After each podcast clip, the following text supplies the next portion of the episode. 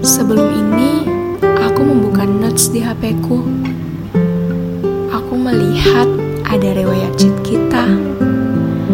Aku baru ingat, dulu aku sempat menyimpannya di sana dengan tujuan supaya nanti bisa jadi kenangan.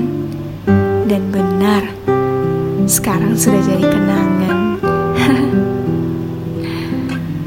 aku kemudian membuka buku yang sempat kamu berikan padaku di tanggal 10 November di tahun 2020 tepat pada ulang tahun ke-17 ku.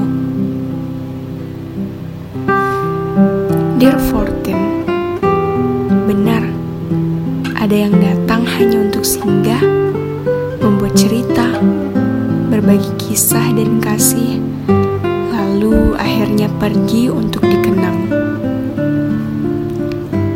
Terbilang sudah tiga bulan kisah itu usai, tapi tokoh dalam cerita itu masih tetap jadi favoritku.